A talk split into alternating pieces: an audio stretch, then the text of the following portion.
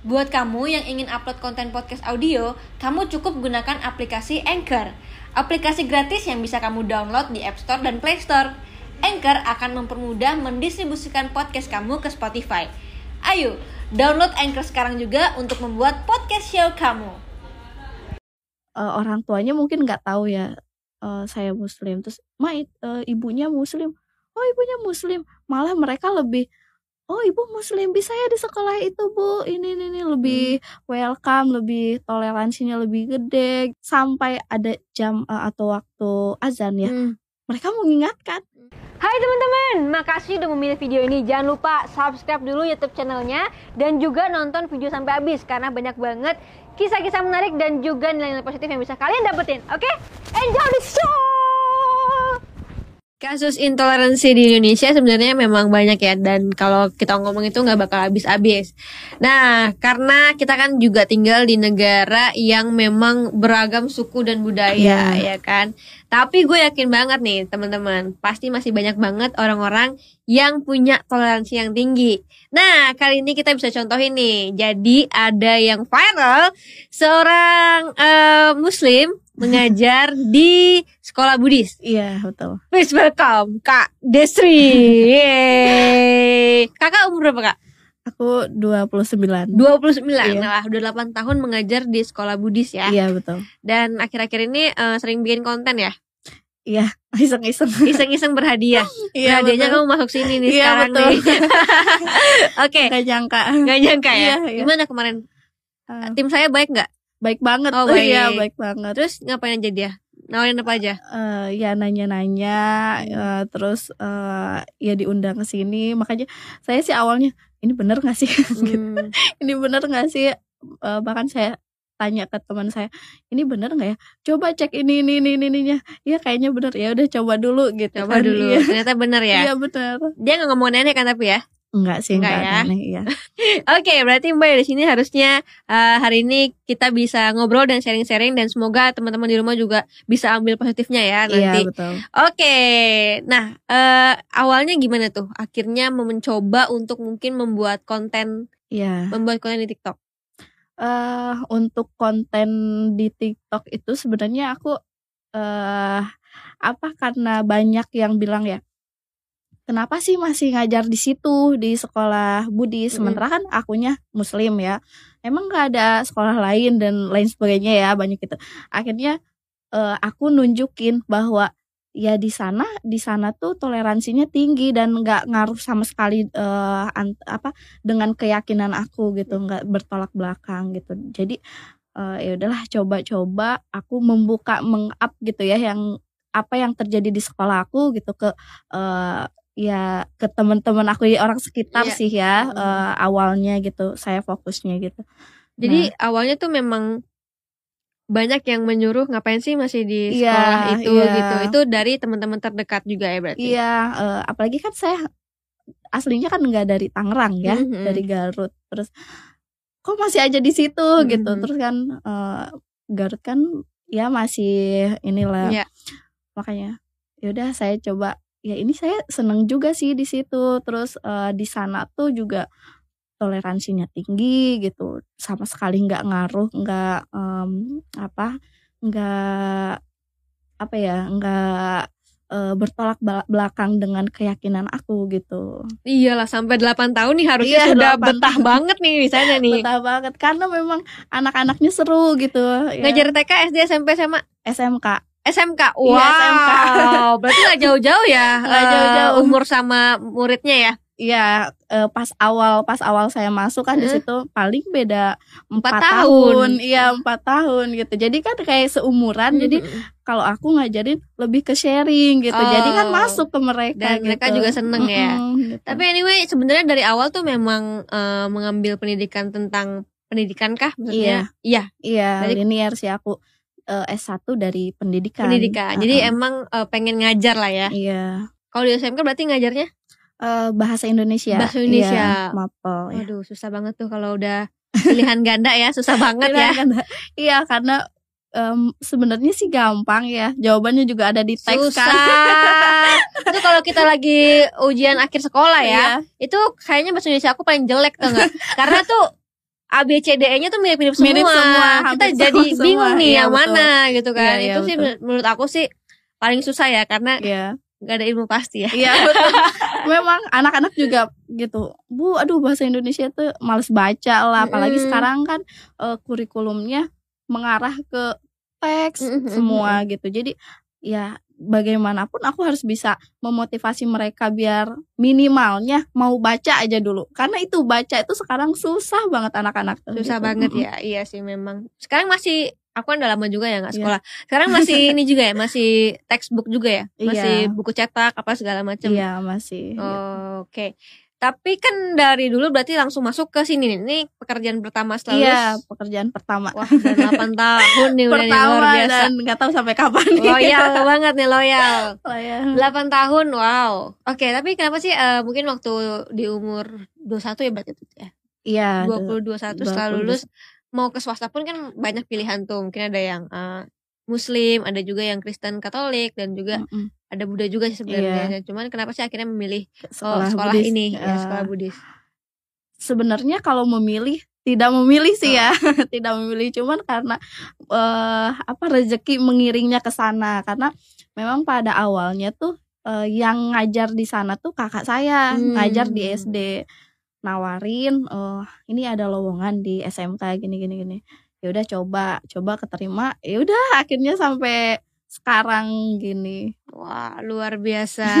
Dulu aku tuh sekolah di Katolik, oh di Katolik ya Katolik waktu TK sampai SMP. Mm-mm. Nah, itu eh, kalau Katolik itu kan eh, maksudnya kalau pas agama tuh agama Katolik ya maksudnya yang muslim atau yang Kristen pun harus ikut kan, tapi yang Iya. nggak doa, maksudnya agamanya kita belajar agama Katolik. Waktu SMA aku di Gandhi School Mm-mm. itu eh, pelajaran agama itu dipisah. Jadi ada yang Kristen sama Katolik, Hmm. ada yang Muslim, ada yang Hindu sendiri, sama ada yang Buddha sendiri. oh gitu Jadi jam pelajaran itu disamain semua satu satu angkatan terus dibagi Oh dibagi per eh, sesuai per dengan agama. ya. Iya. Itu kalau di eh, sekolah yang kakak sekarang itu kayak gimana kak? Kalau di sekolah aku tuh enggak kayak gitu ya. Mereka diwajibkan untuk mengikuti eh, pelajaran agama gitu. Oh oke. Yang bikin aku kepo mungkin ini kali ya. Mungkin waktu dulu pertama kali eh, join di sekolah Buddhis ini, Mm-mm. apa sih reaksi-reaksi orang tua, murid terutama gitu? Ada nggak sih kayak mungkin eh kalau kalau aku bisa jawab sih kayaknya nggak ada karena sampai sekarang masih betah ya. Jadi eh, ada nggak sih kayak mungkin takut nggak diterima atau mungkin ada penolakan-penolakan tersendiri? Enggak ada sih sejauh ini ya enggak ada dan eh, kebetulan saya juga dulunya itu pas begitu masuk tuh saya benar-benar mempelajari mempelajari oh nih eh apa kultur mereka tuh kayak gimana ya budaya mereka tuh kayak gimana dan saya sempat eh sering sering sih saya main-main ke rumah murid Oh ya? Iya sering main-main ke rumah murid eh, kan ada ya rumahnya yang deket pantai. Bu Hmm. ayo main ke rumah si A gitu Hmm. kan. Rumahnya deket pantai sering main. Terus eh, orang tuanya mungkin nggak tahu ya eh, saya muslim. Terus ma eh, ibunya muslim. Oh ibunya muslim. Malah mereka lebih oh ibu muslim bisa ya di sekolah itu bu ini ini, ini lebih welcome lebih toleransinya lebih gede terus eh, dia juga eh, apa menghargai misalnya ya sampai ada jam eh, atau waktu azan ya Hmm. mereka mengingatkan Hmm. ibu kalau mau eh, sembahyang boleh bu di sini katanya ibu tahu kan kiblatnya sampai segitunya ya kata saya Hmm. oh iya iya makasih jadi ya sejauh ini orang tua juga nggak ada yang macam-macam aneh-aneh gitu Ada lagi nggak kira-kira mungkin itu? tentang toleransi? aku juga kadang pernah di ini ya diajak sama anak murid ya bu ini emaknya si A meninggal ayo kita ngelayat aduh bingung dong ya Hmm. saya kan nggak tahu ya kebiasaan mereka tuh gimana Eh terus saya terus saya eh, gimana nih karena kan ada kalau ke sekolah tuh di saat yang lain pakai baju pramuka dia masih pakai baju putih. Kenapa ya? Kata saya ini bu lagi berduka eh, jadi untuk enam bulan ke depan pakainya putih eh, putih terus. Oh gitu. Nah makanya apa saya harus pakai baju putih? Apa gimana? Gimana ya? Eh, bingung kan? Ini saya harus pakai baju gimana? Bebas bu yang penting jangan warna yang terang-terang gitu jangan merah katanya oh ya udah. Uh, nah begitu begitu ke sana uh, sembahyang ke altar kan hmm. sembahyang ke altar. Ini saya gimana? Hmm. bingung juga kan. Bingung juga. Nggak apa-apa bu. Ibu gini-gini aja gini-gini aja. Salam gini aja gitu. Oh gitu. Ya udah. Jadi secara perlahan oh saya saya uh, mempelajari mereka. Oh gini ya gini. Dan anak-anak uh, murid saya juga sangat welcome lah ya. Uh, uh, sangat welcome dan seneng gitu mereka juga. Rasanya jadi saya benar-benar memperkenalkan ke sayanya gitu. Wah, tuh. 8 tahun tuh waktu yang lama sih. Oh iya lumayan lama gak, tapi nggak berasa sih ya. Nggak berasa ya? Nggak berasa tiba-tiba oh, 8 tahun gitu kan. Muridnya sekarang udah nikah banyak lah. Banyak sampai alumni tuh kalau nikah ngundang hmm. gitu. Terus ada yang punya anak terus dan kalau misalkan kayak kemarin ya e, di bulan puasa ya, mereka ngajak ke saya, Bu ayo buka bareng gitu alumni alumninya sekalian reunian. Oh ya udah saya tinggal e, dateng gitu. Jadi sedekat itu gitu. Wah luar biasa. Hmm. Dari awal udah berhijab atau belum waktu di sana? Awalnya waktu kuliah saya memang tidak berhijab ya. hmm. ya. Cuman kalau untuk ke kampus karena kampus saya kampus uh, muslim ya jadi saya pakai hijab gitu jadi kalau main belum pakai hijab waktu oh. itu gitu oke terus begitu uh, ngelamar berarti belum pakai hijab ya? Iya belum pakai hijab dan memang sebelum melamar juga karena kakak saya sudah di situ duluan jadi kakak saya udah wanti-wanti dari awal. Tapi ini uh, sekolah Buddhis terus belum nggak bisa pakai kerudung. Dan memang pada saat itu karena saya belum uh, menetapkan berhijab gitu ya uh, akhirnya ya udah nggak apa-apa coba aja dulu. Karena maksud saya kan nyari pengalaman dulu ya nyari pengalaman terus basic saya di pendidikan ya um, apa saya me menyalurkan ilmu saya lah di situ gitu uh, karena memang di sana pas awal itu ya pas awal saya ngelamar juga sekolahnya uh, tapi ini ada syarat syaratnya belum uh, tidak bisa memakai hijab gitu ya karena memang pada saat itu ya saya juga masih muda hmm. terus ini belum uh, apa belum ada dorongan dari hati ya hmm. gitu ya udahlah uh, coba gitu dicoba kan nanti juga pasti bakal uh, saya juga lebih apa bakalan bisa memilih kan ya memilih hmm. dan menentukan gitu ya setelah dicoba ternyata satu tahun memang tidak boleh berhijab. Nah, eh, setahun berjalan karena itu saya dekat sama orang tua murid mm -hmm. ya uh, sering main sama orang tua murid orang tua murid akhirnya mengajukan ke yayasan mengajukan ke yayasan uh, ini katanya kan di sini kayaknya guru-gurunya ada yang muslim juga ya hmm. bolehlah toleransi kita uh, sama guru yang muslim boleh memakai hijab gitu karena yang mereka tahu kan memang kita tidak diperbolehkan hmm. memakai hijab gitu nah akhirnya setelah satu tahun saya mengajar uh, adalah ketentuan boleh berhijab Wah. gitu makanya saya pun sudah ada niatan dalam hati ya jadi bukan karena dorongan dari pihak sekolah karena oh dari pihak sekolah boleh pakai kerudung dan ini enggak tapi benar-benar kebetulan dari pihak sekolah membolehkan dan ya udah saya juga diniatkan dari hati sampai sekarang memakai hijab gitu. Wih, luar biasa. Tapi gitu. itu memang semua kan jalan Tuhan ya. Iya, Kalau betul. kita memang toleransinya baik, terus juga kita baik-baik sama banyak orang juga pasti Tuhan bukakan jalan iya, lah ya. betul. Ya. Luar biasa. Oke, uh, udah 8 tahun bekerja, apa sih yang membuat bertahan dan jatuh cinta sama sekolah ini? Uh, sebenarnya yang bikin saya jatuh cinta itu saya tidak bisa setiap saya misalkan saya mau dong nyari kerja lain gitu kan pasti kan pada saat itu apalagi saya masih muda ya pengen nyari pengalaman yang kayak gimana gimana hmm. cuman balik lagi uh, kadang nggak tega gitu sama anak-anak meskipun ya mereka kan banyak ya. Nah, anak tinggalin juga loh tiap tahun loh. Iya, tinggalin, tinggal. tinggalin iya. Tapi rasanya tuh aduh nggak nggak tega aja gitu nggak tega terus uh, gimana udah kayak udah nyaman sama anak-anak gimana bahkan kalau kan saya ngajar SMK di situ kan dari PG TK SD mm -hmm. SMP uh, anak SMP aja suka gini ibu nanti kalau saya masuk SMK-nya di DW ya uh, Dharma Widya ibu jangan dulu keluar ya gitu. Hmm.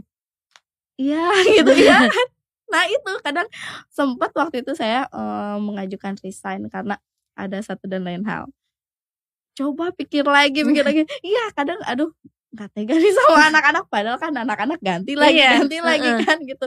Cuman aduh ya udahlah passion saya di situ ya udah saya niatnya eh, menyalurkan ilmu saya ya udahlah gitu Iya iya iya. Baik. Sebenarnya sebenarnya rata-rata sih kalau guru tuh kebanyakan lama lah ya. Lebih- lama Iya jarang sih yang setahun dua tahun Iya, tuh jarang. iya. Biasanya lima tahun paling cepet lah paling ya. cepet Tapi membangun relasi sama eh, orang tua murid atau sama murid gimana sih?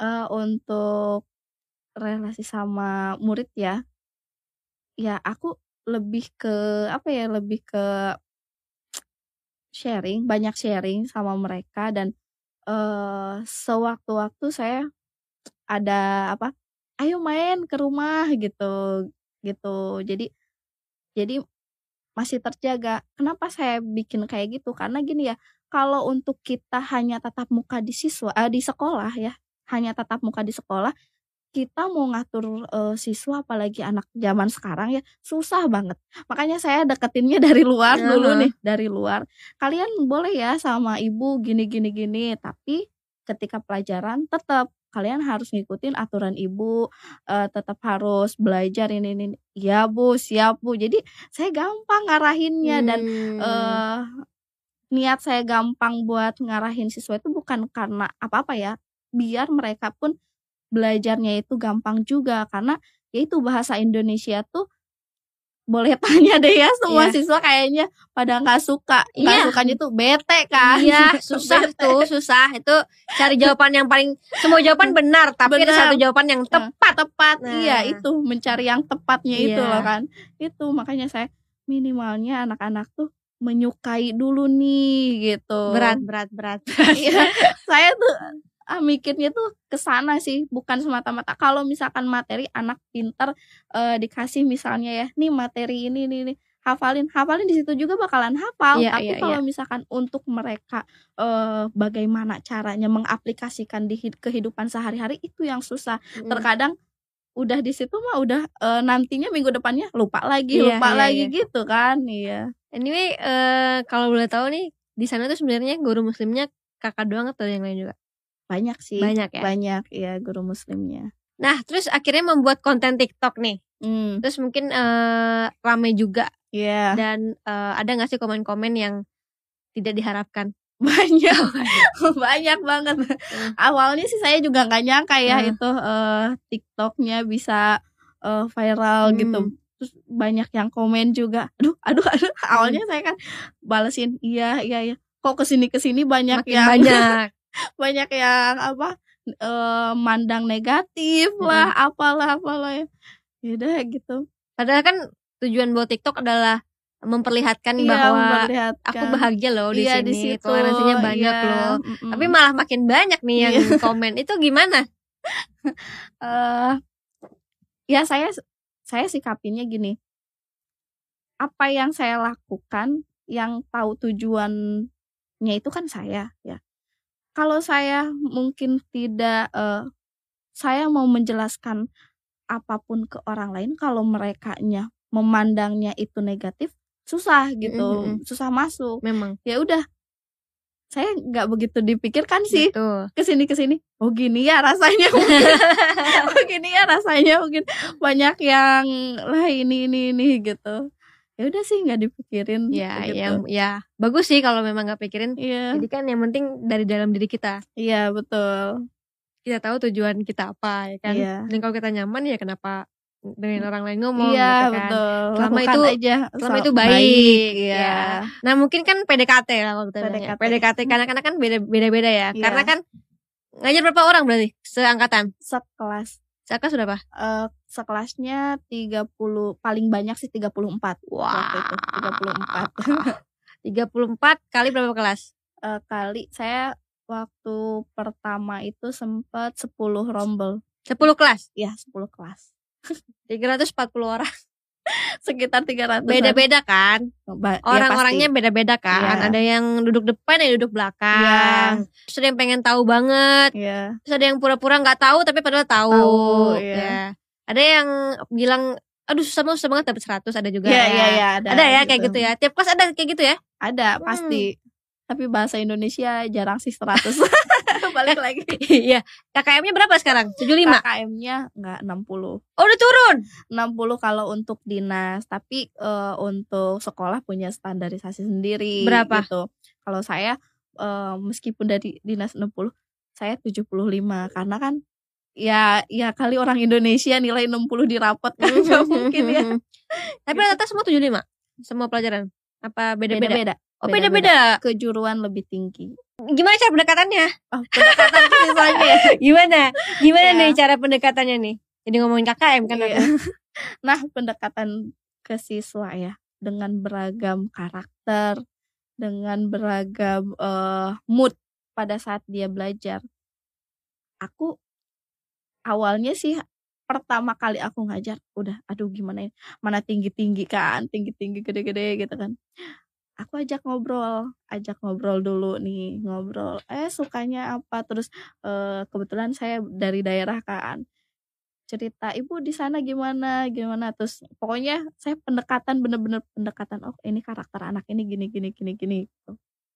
nah setelah saya dapat karakter anak-anak itu saya mengusahakan untuk eh, saya saya nih eh, sefrekuensi loh sama mereka istilahnya ya. Saya tuh sefrek- sefrekuensi loh sama kalian. Jadi kita tuh belajar tuh sharing aja. Hmm. jangan terlalu dibebankan dengan materi. Yang penting kalian bisa mengikuti pelajaran dengan baik kata saya gitu kan. Nah itu saya eh, pendekatannya ya lewat emosional mereka Hmm. lewat eh, sharing mereka ke saya kayak gimana. Karena pas saya masuk tuh kan ada guru barengan saya tuh guru baru tuh ada tiga Hmm. muda-muda semua Hmm. guru matematika Hmm. sampai nangis itu sampai nangis nggak mau ngajar dan aduh saya udah deg-degan aja kan ini kenapa pertama ngajar gini gini gini iya siswanya gini gini Hmm. aduh nggak kuat nggak kuat nah itu saya semakin aduh ini saya harus gimana harus gimana ya itu pendekatan saya ke situ ke ke oh rana eh, apa circle-nya mereka tuh kayak gimana Hmm. oh mereka tuh senangnya kayak gimana gitu jadi mereka mereka juga selain menganggap saya gurunya mereka juga menganggap saya teman sharingnya gitu jadi nggak macem-macem nggak aneh-aneh gitu saya cari aman dulu nih saya cari aman dulu gitu gitu sih Oh, mantap. Oke. Ini kita kalau misalkan lihat pendidikan sekarang mungkin eh apa ya? Mungkin bisa dibilang banyak orang tua yang berlomba-lomba supaya anaknya jadi juara satu nih. iya juara satu Mungkin eh sebagai eh, murid atau anak tuh juga banyak yang terpressure karena orang tuanya kamu harus dapat 10, 100. iya 100 harus juara. Eh, Itu kan berarti pres- pressure dari orang tua. iya, Nah, iya. menurut Kak Destri sendiri sebagai tenaga pengajar nih, seharusnya seperti apa sih? Eh, kalau saya ya melihat ada beberapa anak yang diperlakukan, ah, bukan diperlakukan ya, tapi ada beberapa anak yang kok dia karakternya begini, kok dia begini. Ada yang pinter tapi pendiam, Hmm. ada yang pintar tapi dia seolah tidak terbebani, kan ada yang eh apa dia itu bisa tapi kayaknya kok gimana gitu. Nah, saya ngelihat oh ternyata dari orang tuanya gini-gini. Ada anak yang pintar pendiam banget, nggak bisa sosialisasi sama eh, temennya. Ternyata mereka eh, dia itu bener-bener di press sama orang tuanya sampai anak eh, anaknya itu nggak boleh nilai itu bener-bener nggak boleh jeblok atau Mhm. kebetulan saya wali kelasnya dan anak itu bener-bener nggak boleh eh, peringkatnya turun harus ranking satu karena dari SMP dari SD-nya dia ranking satu terus nah itu sebenarnya berpengaruh ya ke mental anak ke Hmm. mental anak dan berpengaruh nantinya ke pola pikir sosialisasi ya pokoknya eh, banyak pengaruh eh, banget. Dan ini yang memang eh, orang tua belum bisa dipahami itu ya karena mereka itu masih menilainya itu pendidikan yang berhasil itu ketika eh, anak saya juara ketika padahal tidak dari situ ya. Sebenarnya pendidikan eh, berhasil itu ketika anaknya itu bisa eksplor apa Hmm. anaknya itu bisa mengikuti tidak dan anaknya itu eh bisa eh, bisa apa ya bisa merubah terutama karakter ya karakter pribadi. Karena saya sendiri sebagai tenaga peng- pengajar ya eh, sebenarnya definisi mendidik itu bukan definisi mengalihkan eh materi di buku ke pemikiran siswa ke otak siswa gitu ya bukan. Tapi definisi pendidikan itu merubah karakter yang tadinya karakter eh tidak baik menjadi baik. Yang tadinya anak itu tidak berkarakter menjadi berkarakter. Berkarakter di sini kan beda-beda ya. Anak tuh punya kemampuan sejuta kemampuan sebenarnya. Cuman nah bagaimana meng eh, apa menggali kemampuan anak itu? Itu definisi pendidikan sebenarnya ya. Nah bahkan saya pernah ada anak ini di di kelasnya kalau secara eh, materi ya eh eksak gitu kurang kurang.